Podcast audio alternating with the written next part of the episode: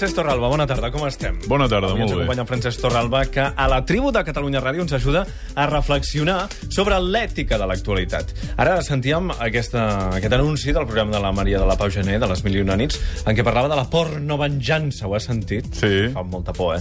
Diu di di distribució de material íntim, Sí. fotografies, etc. després de trencar amb la parella, mm, sí, per sí. Perquè a vegades, quan trenquem amb la parella, se'ns acudeixen les idees més, diguem-ne, eh, malvades, eh? Mm, per demostrar a tothom el nostre odi. I això és el que sembla que han fet mm, dues persones que són protagonistes de l'actualitat. Una és Maria Victòria Álvarez, exparella de Jordi mm, Pujol Ferrusola, i l'altra és l'exparella de François Hollande, el president francès, va- sí, que ha, acaba de publicar un llibre i en què explica tot d'interioritats sobre la vida del, del president francès. Per tant, avui el que ens preguntem és es pot trencar amb la parella amistosament? Això seria l'òptim, perquè si no el que ocorre és que si hi ha una ferida neix un ressentiment i és fàcil que aquest ressentiment es tradueixi amb això, amb una sèrie de gestos, amb una sèrie de declaracions, amb una sèrie de revelacions de la intimitat que acaben ferint profundament a la persona doncs, que va tenir aquesta relació íntima. No? Per tant, no hi ha dubte que si el final ha estat un final escabrós o un final eh, precedit per una traïció o senzillament per un desengany, és fàcil que es produeixin aquests fenòmens, més encara si la persona amb la que tenia relació era un home poderós, econòmica, social o mediàticament, i per tant la possibilitat de fer mal és molt superior. Això explica, per exemple, perquè doncs, editors francesos estaven interessats Mm, no, a ho diràs. publicar això.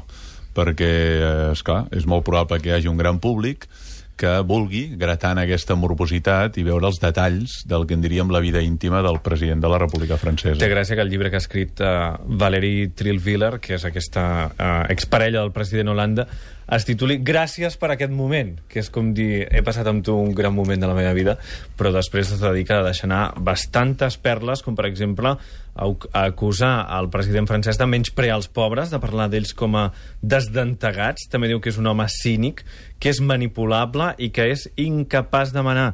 I en un primer matí, el matí en què es va posar el llibre a la venda, se'n va vendre 15.000 còpies. Sí. El que passa que hauríem de ser prou prou assenyats per posar entre parèntesi les declaracions de persones ressentides, no? perquè la capacitat de fer una valoració justa, ponderada, dels pros, dels contres, de les llums i ombres que teniu d'una relació, doncs queda molt, eh, molt fora de lloc.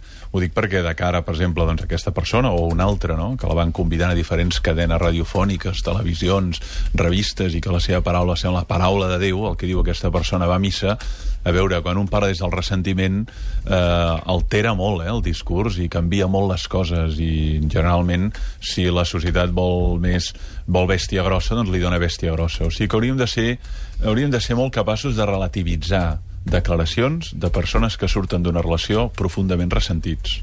93 201 7474, la tribu arroba catradio.cat, Facebook i Twitter arroba tribucatradio, si ens voleu explicar les vostres uh, intimitats.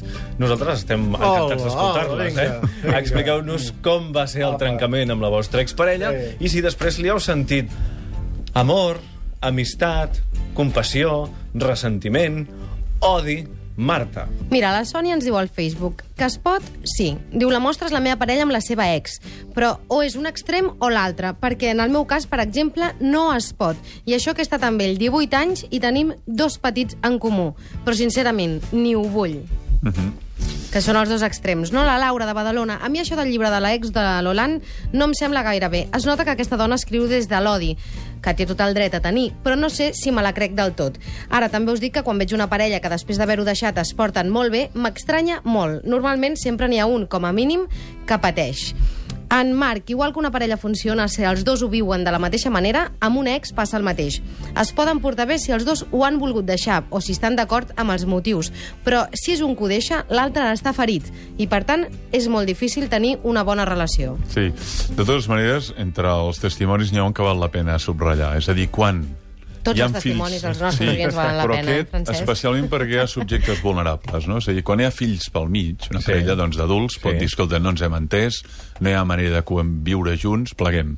Quan hi ha fills pel mig, llavors és molt important la maduresa, perquè si no aquest odi o aquest ressentiment es pot descarregar eh, contra el fill, o pot ser que es parli el fill molt malament del pare o a la inversa, i això naturalment el perjudica greument la possibilitat d'acceptar aquell home com a pare, no? Per tant, encara demana més contenció i més autodomini quan d'aquesta parella hi ha fills, i especialment fills petits. De fet, en el cas d'Holan, la seva parella anterior a la que ha escrit el llibre, Segolèn Royal, actual eh, ministra d'Ecologia, d'ecologisme és la mare dels seus fills i és una de les veus que l'ha defensat, mm. que va dir que aquest llibre eren tonteries i que no volia doncs, eh, tirar llenya al foc, no? És clar, perquè eh, segurament ha vist que aquesta forma de referir-se doncs, al president de la República ve més marcada per aquesta passió que en diem rancor que no per la, la justícia i la mirada equilibrada.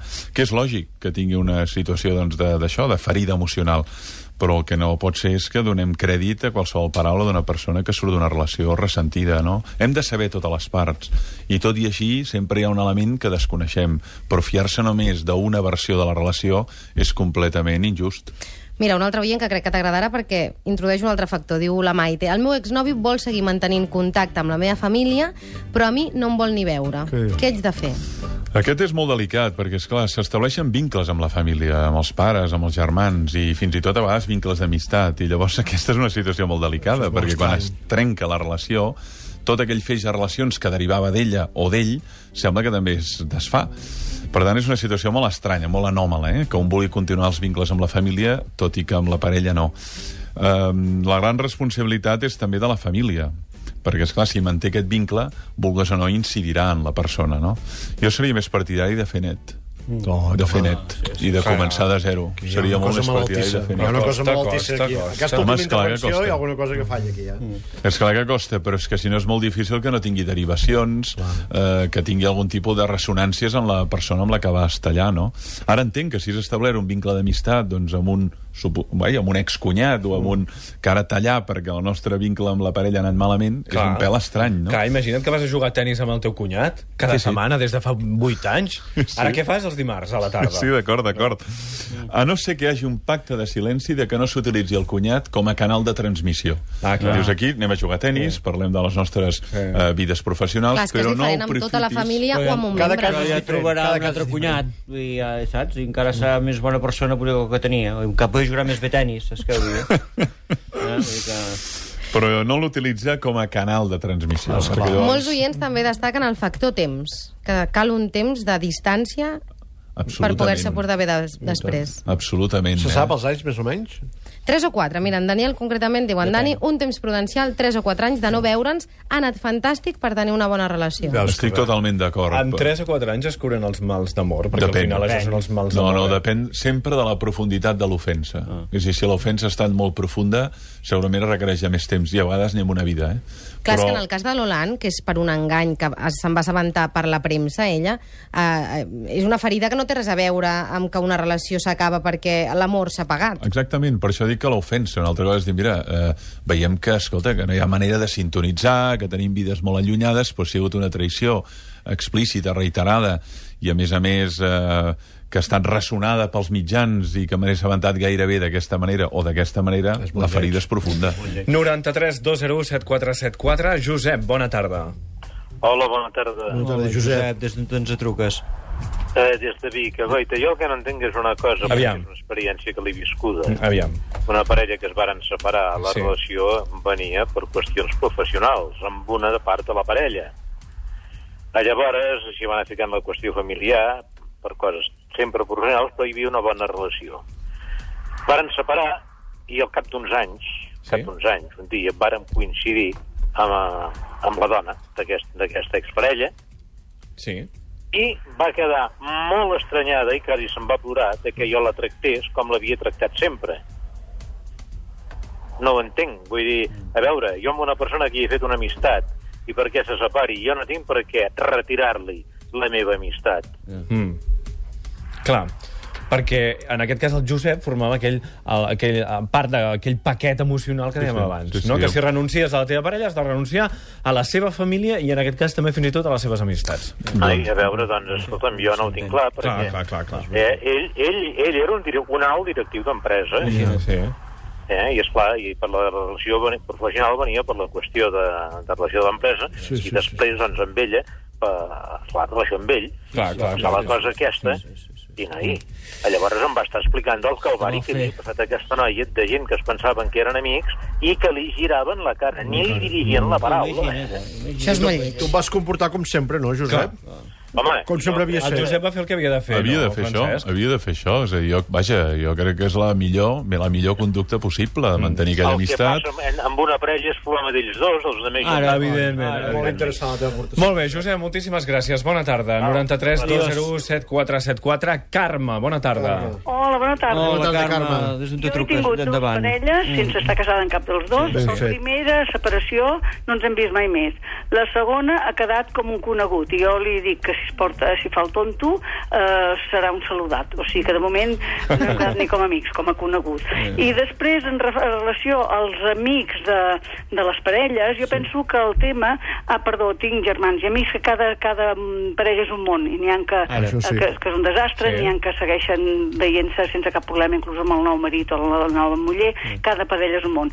I jo el que diria és que amb, les, amb els amics que fas amb, el, amb les exparelles s'hauria de tractar el tema més com a, aquella persona, no l'amic de la exparella o l'amiga de l'exparella. Llavors, si amb aquella persona, com dèieu, cada dimarts hi vaig a jugar al tennis, doncs és aquella persona que segueixo veient-la perquè vaig a jugar al tennis. No, I- no i- posar-li títols. Eh, com? Exacte. Exacte, no posar-li títol, Sí, perquè sí, llavors sí. no, és que és l'amic, jo Sí, bueno, clar. un germà que li ha passat això, que esclar, tenien els amics molt comuns i vam patir molt tots dos perquè, és clar no podien anar al lloc on anaven els amics de. Clar, I penso clar. que la idea no és l'amic de la ex, sinó que és la persona tal eh, Clar. que, que s'ha de tractar com a tal, que això és la meva aportació. Clar, no Gràcies. és el cunyat, ni el, No, no. sogre, ni el Ah, no sé què. És la persona tal. És la persona. És el nom. la persona És i la relació que tu hi tinguis. Molt ben explicat. Un moment, Carme, Carme uh, ara tens una altra parella, però? Haig d'entendre? Mm, escolta'm, aquestes preguntes no me les facis per ràdio. Va, senyor, au, a saber Salamanca. Això és molt que indiscret, eh? Això A és molt saber indiscret. Salamanca. Si vols ens veiem a part i t'ho explico. Listo. Ara quedarem. A les 7 sortiré d'aquí i quedem. Ets un listo, ja t'està bé. Carme, un petó, que vagi bé. Adéu, adéu. La Marta al Facebook ens diu jo vaig acabar fatal, ho he passat molt malament, de veritat t'hi has de trobar. Cada persona ho porta com pot. Jo volia acabar-ho bé, però ell no m'ha donat cap opció. O la Mònica, jo he acabat fatal, em va deixar penjada amb un deute i va ser infidel. I a sobre el pobret era ell. Diu ara, conec altres parelles amb fills que han acabat molt bé. Hi ha de tot. He de dir que el 80% més o menys dels nostres oients acaben malament. Sí, és que és normal també acabar malament, no? A veure, jo crec que no, no hauria de ser-ho. És a dir, potser és habitual, però no hauria de ser-ho. És a dir, hauríem d'acabar amb una certa maduresa, d'arribar a la conclusió doncs, que no podem conviure o que aquell projecte que teníem no pot anar, però que hi hagi deutes pendents, que hi hagi infidelitats, que hi hagi traïcions, que hi hagi enganys. Tot això el que revela són febleses humanes, però no seria l'òptim. Ja, però vull dir, eh, quan dic el que és, norma, que és normal, vull dir que en una relació de parella hi ha la passió, hi ha l'amor, hi ha sentiments bàsics, no és una relació, diguem-ne, racional, com la que podríem establir amb un company de feina. Estem parlant d'una altra cosa mm, que és més inflamable, que és més fàcil que esclati. Correcte, no és un contracte de feina, no? Això és evident, no? Però vaja, amb tot, si hi ha hagut una relació perllongada al llarg del temps, és més que un apassionament, no? Hi ha hagut una capacitat de planificar, de calcular, de pactar, d'arribar a uns acords, i quan això acaba, doncs acaba i comencem una altra història, però és dramàtic veure com la majoria de casos hi han ferides en el final que deixen una certa, una certa ressonància en l'ànima de la persona. Saps què, Francesc? Què? Ara em tiraran una galleda d'aigua. A veure... Ells me la tiraran. No, no, estem, avui estem aquí per això, estic esperant. Així literal. A veure... Sí, sí. I glaçada, glaçada, eh? Vull Per dir això ho que- hem de negociar, perquè tampoc no cal que sigui glaçat. Glaçada, jo he vist La campanya és vídeos així. que hi posen gel a dins, ja tenim Sí, els glaçons sí, sí, allà, nano, i avui marxaràs, marxaràs Te la molt tirem aquí dintre o He muntat una roba per canviar-me. Va, No, sortim a fora. Va, aquí mateix. Pots anar-hi, eh, si vols. tovallola per Pots anar-hi. aixugar-me. Però més fa bon temps per Clar, fer això. sí. Posa el mes Fem de el gener, fem posa el el mes sol, de gener. fem el Clar, no et queixis, eh? No et queixis, vull dir que ja pots anar sortint si vols, eh? I és una acabem la cosa secció. solidària. Oh, I tant. Acabem la secció amb el professor Torralba, nosaltres, eh? Vull dir que... Va, jo em vaig preparant. Vale. D'acord? Sí. Mm, Molt bé. Doncs, I ara? guaita, tornem a publicitat, i tornem, no, anem a publicitat, i tornem de seguida. Com es diu això, Rossinyol? Que ara farem anuncis? No. Publicitat. Què?